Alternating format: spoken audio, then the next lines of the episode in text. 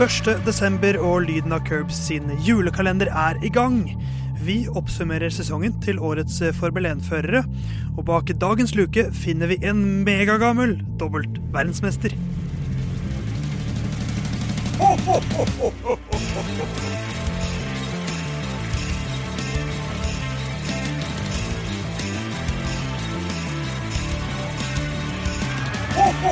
Der var det 1. desember en hellig dag for ganske mange, og en hellig dag også for lyden av Curbs på mange måter, for dette er første luke i vår julekalender, hvor vi skal gå gjennom alle 20 førerne fra årets felt, og også ta med oss de fire som skal være med i neste år.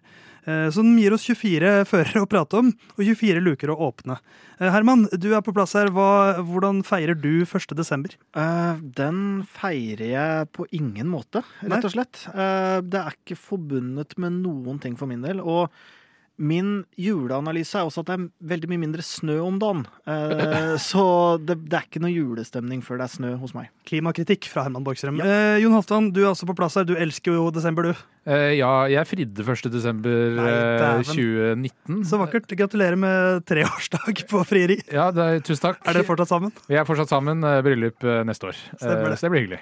Det visste jeg egentlig.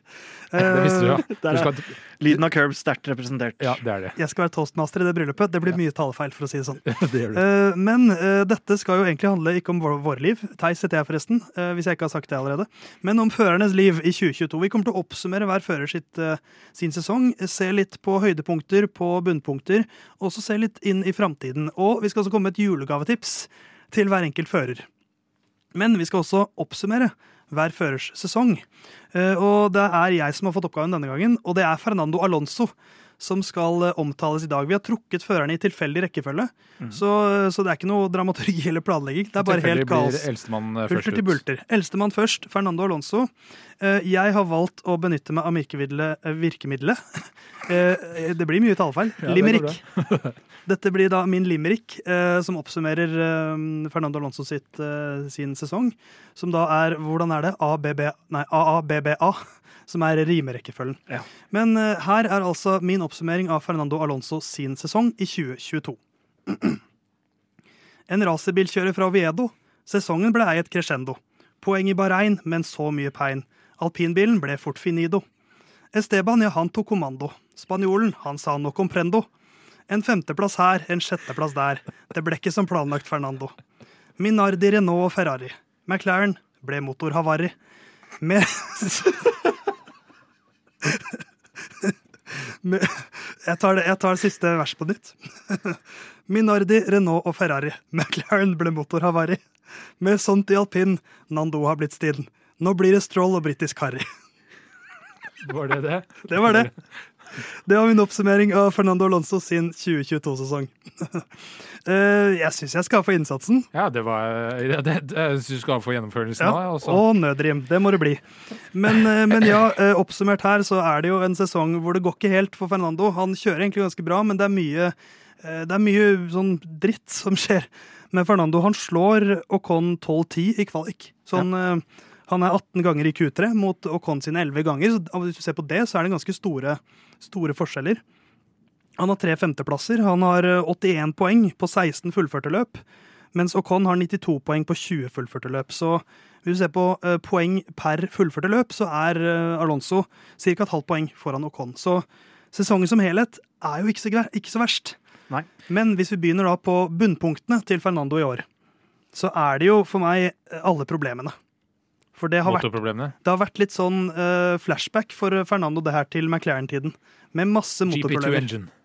Ja, men det, men det er jo det, det må jo være det Fernando husker fra i år. Ja, det absolutt. Han brukte ikke lang tid på å bli kvitt uh, alpintøyet. Uh, nei, han uh, takka for uh, laget og gikk inn i hospitality-avdelinga til Aston Martin. Uh, omtrent det Max kjørte over målstreken for siste gang. Ja. Eh, så nitrist sånn eh, motormessig eh, Ja. denne sesongen her. Så, så alle problemene hans er jo mitt, mitt bunnpunkt på en måte for Alonso sin del. Eh, hva husker du først og fremst, Jon? Eh, bunnpunktet mitt på Alonso det er Spa, eh, løpet i Spa, etter han eh, krasjer med Hamilton eh, og kaller han eh, for en eh, idiot. eh, som bare vet hvordan man eh, racer hvis man starter først. Eh, som man kan jo si eh, jeg mener jo egentlig at det, det er litt sånn eh, stikk som egentlig er under Alonso sin verdighet. Bortsett fra at det er jo en viss historikk mellom de to. Og så er det veldig Alonso. Samtidig er det veldig Alonso, men når du etterpå må gå ut og beklage sånn veldig og, ja, det er eh, ja, bunnpunktet mitt, altså. Hva med deg, Herman? Nei, eh, jeg er enig i det. Det er umulig å komme bort fra den. Eh, og jeg husker jo i en tidligere episode så var dere ganske krasse mot en eh, Russell-uttalelse, som var ganske ja. mild, egentlig. Og den her syns jo jeg er eh, et, eh, et bunnpunkt. Jeg syns sånn eh, lagåndmessig eller kollegialt, da, for de er jo ikke, de er jo ikke liksom, lagkamerater. Men så holder jeg det en sånn uttalelse veldig, veldig lavt. Altså, for det er ikke veldig mye bedre enn aksjonen Verstappen ja. gjør mot egen lagkamerat i, i, eh, Brasil, for min del. Det er, eh, det er ganske Jeg syns det er stusslig, rett og slett, og, og ustilig. Og så, så, så, kaldt også, for jeg kan, jeg kan, skjønne en sånn uh, what an idiot og mm. fucking asshole og sånt, men når det er sånn en slags tre-fire setninger ja, hvor du bare ja. sakser ned fyren, da er det så Hvor det virker som han har tenkt litt på det her. Ja. Han har hatt en 10-15 sekunder og tenkt det man skal mm. si. Ja, på forhånd. Ja, for å vite at dette kommer ut. Så, så det er jo tre bunnpunkter. Eh, et av mine høydepunkter for Alonso sin del i år, hvis vi skal se på de gode sidene, er på en måte også et av hans bunnpunkter, som er da han ble P2 i kvalik i Canada. På, på interdekk, hans første front row start siden 2012.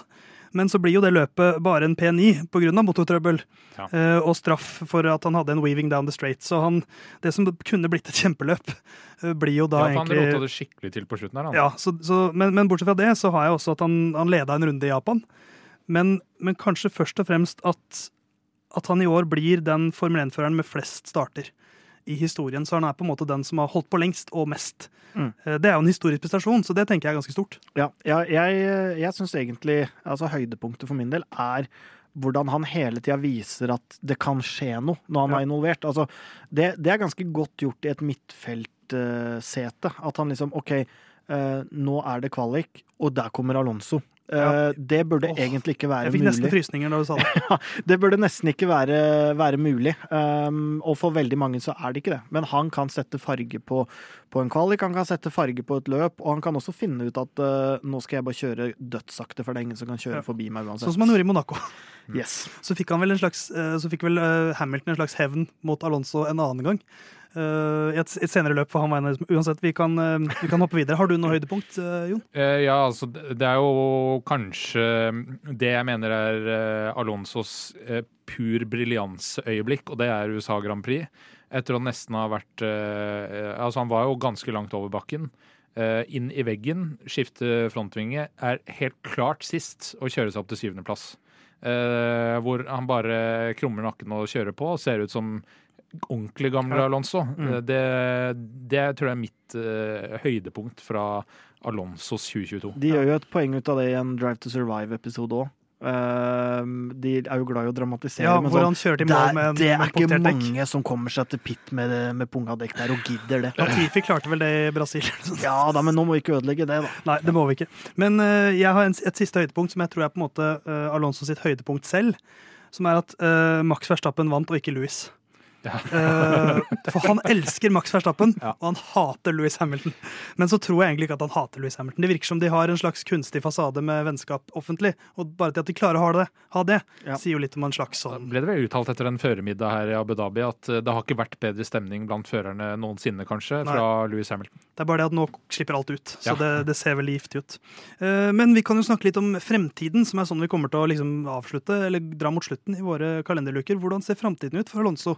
Han har ikke den lengste framtiden av alle førerne, men jeg syns vi er innom det at, at vi, vi, Fettel hadde en god sesong. Han viser liksom at han fortsatt kan det. Alonso viser det i enda større grad. Mm. Uh, og nå skal han til et nytt lag uh, der han kommer til å vaske gulvet med Esteban Ocon.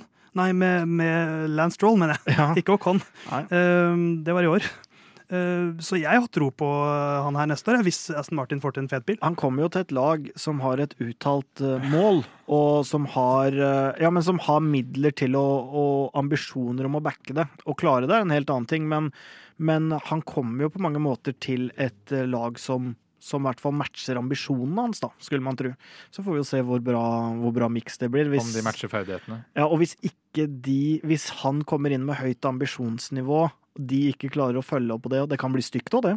Ja, det Sånn, kan. eh, veldig Håper den motoren funker, for å si det sånn. Ja, det kan bli kranglete og offentlig og stusslig. Du skal se han skal gå head to head mot eh, Toto Wolff fordi motoren i Aston Martin ikke virker. Det er en duell jeg gjerne Det er en slåsskamp jeg har lyst til å se. Ja. Men har du troa på, eh, på at Stroll pluss Alonso kan bli romanse? Eh, Jeg, tror, jeg, jeg har troa på at eh, prat om at Stroll er en habil, habil Formel 1-fører, kommer til å forsvinne eh, neste sesong. Fordi Albo, eh, Alonso kommer til å knuse han. Eh, så får vi se hvor eh, bra den bilen er. Nei, det blir spennende å se. Eh, helt til slutt, i dagens kalenderluke, så skal vi eh, komme med en liten julegave til mannen selv. Til Fernando Alonso. Eh, jeg har to julegaver eh, til Fernando, så jeg kan ta den første først. Som er at han skal få en sykkelhjelm av meg. For han velta jo på sykkel i starten av året. Og en, har du velta med sykkelhjelm, så skal du kjøpe ny. For det er en sånn one use. Så han skal få en ny sykkelhjelm av meg. Eh, Jon, har du en gave til Fernando? Uh, nei, det må bli et PR-kurs, tror jeg. Ja. Uh, og uh, sinnemestring. og hvordan man uttaler seg bare sånn generelt. Det var ikke sant? Jeg, jeg jobber jo med reklame. Eh, og jeg la meg inspirere der, hvor jeg jobba med, hvor jeg jobba med kondomeriet. Ja. Og der sa en av de som jobba der uh, Her, jeg må anonymisere, men en av de sa at de hadde hatt med en veldig sånn hissig og sur person å gjøre. Og vedkommende mente at vedkommende trang et sexleketøy for å få For å få bort spenninga. Skal du si flashlight nå til Fernando Alonso? jeg Nei, det er visst veldig ut. Har jeg, okay. altså han, jeg tror det heter Arcwave. Okay. eh, Er et sånt nytt type eh, leketøy. Så det er det jeg vil gi Ja. han. En Arc Wave? En Arcwave. Et sexleketøy, rett og slett. Jeg, det er ikke verst. Jeg har eh, en siste gave til Fernando. Han skal så få fire gaver. Og de beste gavene er jo de som han har brukt tid på å lage selv. Så jeg skal uh, lage en eh, YouTube-video til Fernando med tittelen 'Top 10 times when Alonso outperformed Hamilton'. uh, for det tror jeg er en video han hadde sett 19 000 ganger. Uh, så det var sesongen til Fernando Alonso eh, og dagens første kalenderluke i Lyna Curbs. I morgen så skal vi åpne en ny luke. Og vi får se hvem som skjuler seg der. Ha en strålende 1. desember. Vi prates igjen 2. desember.